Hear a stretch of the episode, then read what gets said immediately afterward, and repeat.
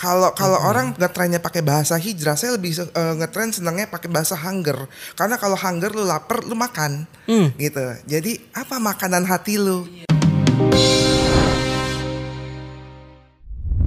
Assalamualaikum warahmatullahi wabarakatuh. Teman-teman TKN News, hari ini saya sedang berada di Kedai Rumi di wilayah Blok M. Dengan siapa? Pasti masih penasaran kan? Mbak Anas, Assalamualaikum Mbak Anas. Waalaikumsalam warahmatullahi wabarakatuh. Apa kabar Mbak Anas? Alhamdulillah. Eh, kayaknya kita baik-baik. buka dulu deh. Kayaknya Ah, ini agak biar lebih enak ya. iya. Nanti napasnya. Yang pasti untuk nunjukin paling enggak kita ngikutin prokes ya, ngapa-ngapain Iya, juga ya. Bener Mbak Anas. Soalnya sekarang kan kita nggak bisa tahu juga kan kapan selesainya. Iya, betul. Yang penting mudah-mudahan keluarga pada sehat ya Mbak ya. Amin insya Allah. Demikian juga mudah-mudahan Ustadz nih. Amin amin amin ya Allah. Apa kabar nih Mbak Anas kesibukan hari ini apa nih? Eh, Sibukan-sibukan belakangan-belakangan ini nih. kesibukan belakangan-belakangan ini tetap ngurus rumah pertama anak-anak ya kan Eh, terus udah gitu ya tetap bikin sesuatu sebenarnya Hmm. aku lagi banyak main digital Oh. media sosial sebenarnya Digital media Eh, sosial. di- eh, media sosial orang running gitulah untuk running media Hmm. Itu sosial Ah, maksudnya di di di apa di di apa banyak kan di, di- Instagram Di untuk Instagram. Instagram iya platformnya Instagram Ah, ah, berarti. platformnya Kalau boleh Instagram. tahu apa nih Mbak? Eh, sebenarnya aku ini karena basicnya juga adalah penulis, Hmm? jadi sebenarnya cuma nulis caption aja, menyediain konten. Oh, kayak semacam content writer gitu ya? Iya, content writer Oh. kayak gitu. Hmm. Ya itu kan jadi eh, sesuai dengan era si pandemik yang new normal segala macam. Ah, beker- Jadi kalau mau usaha orang yang bisa dagang, dagang. Tapi kalau orang yang misalnya bisa nulis atau apa segala macam nggak usah khawatir. Ya, Di belakang handphone apa segala macam tetap bisa making money kalau aku bilang. Di sini gitu. ya, Mbak? Yes. Lagi jalan di sini orderan gitu terima. Oke gitu Ah, kan. Iya, saya juga mau ke sini ke kedai Rumi pakai ini, Mbak. Iya makanya kan tapi GPS maksudnya. Iya GPS. Jadi bener-bener eh, ini kalau kata orang kedai Rumi tadi kata teman kita, apa dunia ini nggak boleh di dalam kolbu, Oh iya. tapi harus di dalam genggaman. cukup dalam genggaman. ini juga tempat nongkrong Mbak Anas ya? Eh, teman-teman saya beberapa banyak yang suka kemari Ah. gitu Eh, karena sebenarnya kan namanya sangat catchy dan familiar dan sangat global. Rumi. Keren. Siapa yang nggak kenal Jalaluddin Rumi? Mau Bener, bener, Jalaluddin Rumi ya kan. Quotesnya dipakai seluruh anak milenial sampai yang sudah oma milenial gitu. Oma Iya, milenial iya, yang iya, udah iya. umur Oh, gitu oh, maksudnya ya kan. Padahal Jalan di Rumi dari berapa abad? Iya dong, malah makin lama makin ke sini. Iya loh. Bahkan sesuai dengan, kayaknya emang sesuai zaman sih Dan sebenarnya. diterjemahin udah ke dalam berbagai, Berbagai ini bahasa, kan. pasti lebih dari 30 bahasa sudah. The Beatles aja kalau nggak salah kan salah satu lirik-liriknya tuh Banyak juga banyak dari juga. Iya, artis-artis juga kan. iya banyak banget deh kayak gitu. Ini kalau boleh tahu nih Mbak Anas nih eh, kecenderungan eh, ke tasawuf gitu ya. Iya. Itu eh, de- warisan dari orang tua, hasil pendidikan pengasuhan orang tua apa memang melalui proses pencarian, kemudian lingkungan, ketemu orang baru atau gimana tuh Mbak? Kalau boleh tahu Cerita nih, sedikit cerita ya. sedikit nih Mbak Anas nih. Aku tuh kan mualaf tadinya gitu kan. Jadi eh tapi ketika dikasih kesempatan pertama nih istilahnya syahadat nggak jalanin bener tuh gitu kan. Jadi Tahun berapa tuh Anas? Itu saya tahun 95 94. 95 Ah, ah, ah, ah. Terus udah gitu kayak dikasih kesempatan kedua gitu kan. Ah, ketika dikasih kesempatan kedua ini mm, lucu aja ketika saya banyak nggak menjalankan. Ah, tapi yang nggak saya lepas itu adalah zikir sebenarnya kayak gitu. Nah ketika akhirnya saya Sebentar. dikasih ah, Dulu sebelum nggak menjalankan zikir tuh zikir apa tuh?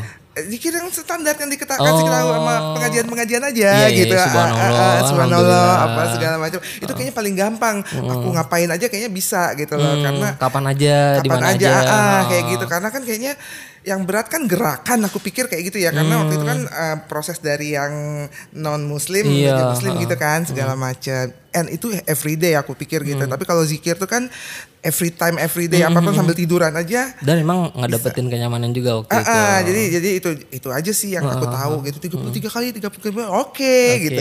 Something kayak gitu. Ketika kesempatan kedua Hmm. eh saya itu hunger. Hmm. Jadi eh, Kayak ada yang kalau kalau orang ngetrennya pakai bahasa hijrah, saya lebih uh, ngetren senangnya pakai bahasa hunger. Karena kalau hunger lu lapar, lu makan. Hmm. Gitu. Jadi apa makanan hati lu? iya iya. Zikir. Jadi jadi ada rasa lapar. ada lapar. Saya apalagi karena karena tetap masih menghadapi eh, persoalan-persoalan yang perpindahan agama itu kan pasti ada. Jadi saya tuh hungernya itu saya ngejar pelajaran hmm, kitab hikam. Hmm. Jadi ketika baru mulai berpindah, kemudian eh, justru lebih banyak ber apa namanya berinteraksi dengan dengan kitab-kitab atau pelajaran yang sifatnya tasawuf gitu, Tasawuf, iya. bukan yang sifatnya fikih berarti Iya, ya. eh, eh, karena fikih itu sesi pertama saya ketika masuk Islam pertama kali nggak kena. Hmm, oke. Terlalu banyak rules gitu saya pikir Hmm, banyak gitu kan. ketentuannya ini aturannya Ah, ah, gini ah, ah, rukun ah, syarat batal. ah. Oh. Iya gitu. Saya saya saya nggak ngejar gitu loh. Karena saya maunya semuanya mungkin karena ya itu nanti kita balik ke pertanyaan mendatang atau gimana bahwa emang kalau orang yang punya memiliki setiap orang sebenarnya punya memiliki jiwa seni. Ah, Tapi kalau lebih tajam, lebih apa segala macam, kayaknya yang ada rasa yang akan lebih kena. Gitu kalau menurut saya. Iya, karena Mbak Anas juga kan banyak bersinggungan dengan Iya, dunia iya, seni iya, ya. iya.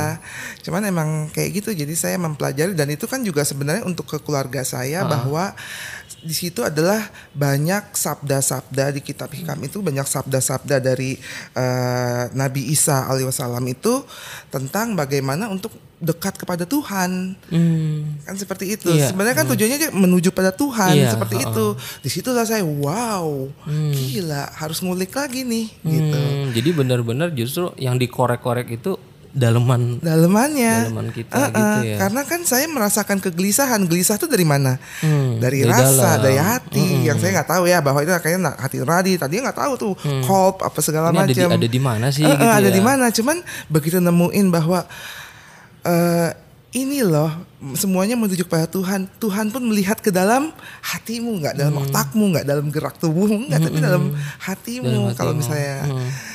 Nah, di situ baru Mbak Anas tuh eh, nyandak kalau kata orang ini ya, apa dapetin Iya, feel-nya itu ah, ya. ah, dapetin. Cuma kan masih masih belum terarah mau ke mana, Hmm, mau ke mana.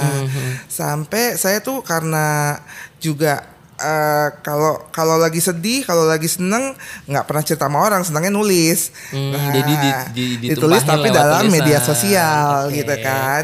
Nah di situlah akhirnya dibaca sama Kang Agus uh, uh, Syarif Hidayat Gus Rif Kang Gus Rif Kang gitu. Gus yang Rif. memang memang senior saya gitu kan. Terus uh, istri beliau juga pernah sekantor sama saya dulunya terus wah mulai kok terjadi perubahan bla bla Oh, bla. Yang jadi kayak maksudnya gitu. dari tulisan-tulisan itu terlihat gitu iya ada ah, ah, ah, ah, seperti itu. Emang tulisannya itu bisa dibilang mewakili perasaan ya. mewakili ah, ah, jadi saya lebih misalnya saya bisa nulis gini bahwa seluruh manusia itu eh, sebenarnya harus takluk. Makanya mereka harusnya berserah. Misalnya kayak gitu. jadi tulisan saya modelnya kayak gitu gitu. Bulan itu kan sebenarnya esensi Islam kan. Islam itu kan tunduk ya. iya. Jadi kalau mau ngomongin takwa kayaknya terlalu berat. Itu bagian syariat kayaknya fikih tuh kayaknya takwa gitu kan. Tapi ketika kamu ngomongin berserah itu kan berarti Iya, plong kayaknya. Ketimbang kita jiwamu. ngurusin yang ngurusin sesuatu yang bukan wilayah kita Iya, gitu betul. ya. ah, ah. Dan itu sebenarnya yang bikin kita eh, gampang gelisah, gampang Iya, cemas, iya, gampang- iya, begitu Tat. Seru. Seru. itu kalau apa namanya kalau tadi mulai merasakan ada apa ya ada meaning gitu menemukan menemukan meaning Iya. terus bisa sampai pada tahap mengenal ketarekat tuh. Iya, jalur khusus lah kalau Iya. bisa dibilang. Itu gimana tuh mbak Anas ceritanya tuh? Ceritanya ke tarekat. Gini, eh manusia saya saya saya termasuk orang yang uh, bisa dibilang manusia modern. Saya melihat Hmm. manusia modern sebenarnya di barat ataupun di mana segala macam mereka melakukan meditasi, yoga segala macam gitu kan ya. Jadi terus udah gitu saya saya nggak melihat dulu ini bahwa tarekat itu eh, sesuatu yang sakral atau gimana nggak bukannya kayak gitu dulu saya. Saya lihat hampir semua golongan dulu, semua golongan oke. agama gitu ya. Ternyata seperti itu. Pas eh, atau Jawa, saya waktu itu juga terakhir sebenarnya sebelum sebelum saya akhirnya bertarekat, itu saya eh, saya ngelilingin Pulau Jawa itu untuk bikin buku saya sebenarnya. Nah di daerah pantai-pantai Gunung Kidul sampai ada satu daerah pantai ada emang di atas 1500 kaki di atas eh, permukaan laut emang tinggi itu katanya buat tarekat jadi saya udah udah ada callingan sebenarnya semua udah ada callingan dulu itu ada pasti ada sign dulu itu gitu untuk baca semesta itu emang ya pertama dikasih kepekaan kalbu habis itu mata batin mata kasat juga harus bisa nangkep pesan-pesan Jadi seperti rupanya itu. memang apa ya?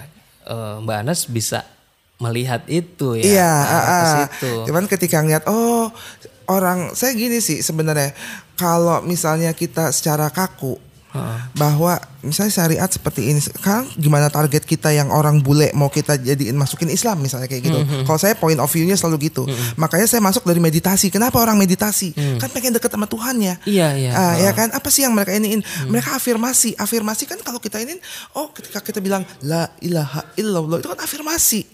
Sebenarnya gitu. Saya nangkepnya gitu jadinya. Oh, Jadi nem- eh, semacam kayak menemukan analogi-analogi itu analogi ya. analogi iya karena harus di harus dikembangkan. Karena ketika saya waktu ke Gunung Kidul saya balik lagi ke Gunung Kidul ketika ngelihat bahwa itu ada di ada di pohon mereka semedi apa segala macam itu old school so old school. Jadi ketika masuk ke uh, generasi muda gimana memperkenalkan tarekat yang kayaknya old school banget? Berarti lo ada bunga-bunga pikirannya pasti kan kayak gitu ya kan? Ada bunga-bunga ada dupa bla bla bla wah spooky gitu kan. Padahal nggak kayak gitu. Benar, ya kan? Iya. cuman kan ini kan kita kan banyak mix gitu kan banyak mix tapi eh, menguraikan mixnya itu benang-benang yang sempet kusut itu pelan-pelan tapi eh, arahnya mana kalau aku kan lebih ke senang sih ke generasi yang sekarang ya karena mereka sangat jauh dari Apa apa yang Mbak Anas lihat dari generasi sekarang yang yang apa ya? Yang hilang. Eh, gini karena saya saya karena saya punya anak di rumah gitu ya dan saya lihat pelajarannya mereka mempelajari cuman Islam dan eh, Iman. iman. Hmm. Isannya nggak ada bukunya. Jadi ihsan itu perlu direposisi ya. Iya, itu nggak ada bagian seperti itu. Maksud saya agama saya terdahulu sebenarnya juga eh, arahnya kan ke sana juga gitu. Ya, cuman di- kenapa Hmm. Dimensi di batin itu iya ya. dimensi batin tapi kenapa eh, pelajaran kurikulum saya bicara kurikulum Hmm. kenapa kurikulum eh, dengan yang majority eh, agamanya nggak membahas yang sebenarnya tiga pilar besar dalam agama ini iman Islam ihsan Hmm. Iya. Padahal dikasih tahu Rasulullah turun karena akhlaknya Iya. Terus kenapa nggak diajarin soal ahlaknya dulu gitu loh. Dan itu yang jadi problem kita sekarang ya. Makanya Anas. akhirnya jadi ya itulah kalau nggak tapi kita nggak bikin podcast kayak gini Iya. dong ya kan untuk kasih tahu yang ke lainnya. Alhamdulillah, alhamdulillah. Anas, alhamdulillah. Jadi memang ketika kita bicara tentang ihsan, ihsan itu justru memang menjadi tujuan misi utamanya Rasulullah ya akhlak. Ahlak. Dan itu yang menja- itu yang hilang dari kita Itu sebenarnya. yang hilang. Bayangin, udah berapa ratus tahun itu hilang. Terus dijalanin dengan negara yang lagi berkembang dengan mayoritas, Iya. tapi tidak menjalankan itu. Pure. Dan dan Mbak Anas ngelihat tarekat ini sebagai metode yang eh, bisa dibilang paling relevan ya Paling relevan dan mengikuti zaman. mengikuti zaman. Makanya tadi saya comparisonnya adalah sama meditasi. Kalau narik orang-orang liberal, gampang banget ke meditasi. Hmm. Karena dia akan bicara padahal dia ngutip-ngutip kata-kata Rumi, Khalil Gibran. Iya, belum kata-kata sufi. Iya, ya toh. Nah, kenapa kita nggak ke situ? Tapi kan eh, dia pakai misalnya pernak-pernik karpetnya apa, segala macam bla bla bla. Nah, kita kan sebenarnya juga ada sejadah, ada apa segala macam. Sebenarnya bisa banget ya. Jadi nilai-nilai Islam yang universal itu Iya. yang kita tonjolkan. Iya, yang kita tonjolkan seperti itu, Tat. Ya Kalau kan? ke TKN gimana tuh? Kalau ke? TKN, Wah, ceritanya TKN tuh ceritanya Ya kayak tadi saya bilang bahwa saya ketemu dengan senior saya Kang Gusrif Hmm.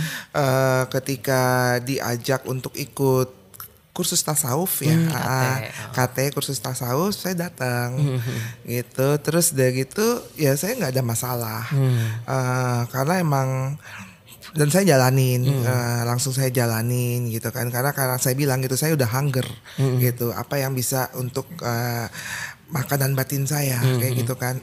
Saya udah eh, coba menjalankan apa yang tuntunan bukunya apa segala macam terus udah gitu eh, ya saya nyaman. Tapi ternyata eh, seberjalannya saya beberapa lama sekitar setahun dua tahun saya ngikut dari TKN Heeh. Ayah saya sebelum wafat tanya Hmm. kamu ngapain? gitu kan. Ah, ya saya gini begini begini begini terus saya ikut ngaji. Ngaji Hmm. di mana? Di Iya. TKN saya bilang gitu TKN tuh apa? Gitu kan. Oh ini eh, dari Pondok Pesantren Suryalaya Abah Hmm. Anom. Aku tuh udah makan tiga kali sama Abah Anom kata bapakku gitu almarhum Oh ya Allah. jadi nggak ada Jadi yang bapak sendiri nggak pernah cerita Bapak justru. nggak pernah cerita. Se- Satu bulan sebelum wafat Baru baru, cerita ada keperluan apa yang ketemu sama Abah Anam sampai tiga kali bla bla bla. Terus ya udah ternyata udah duluan juga gitu. Ya Allah. Kita bisa jadi dua orang tua juga ya. Iya, iya mungkin juga kayak gitu. Jadi saya saya bukan orang yang saya kalau udah dibawa kemarin ke situ ya udah jalanin jalanin aja tapi bukan nutup yang gimana tapi tetap TN, TKN gitu. Heeh. Apa apa yang paling Mbak Anas eh, rasakan gitu ya ketika eh, membayangkan gitu, membayangkan eh, perjuangan Abah Anom di masa sekarang nih Mbak. Apa yang perlu kita hidupkan nih dari ajarannya Abah Anom? yang perlu dihidupkan. Yang perlu dihidupkan yang pasti memang eh, tanbih itu kan. Tanbih. Ah, ah.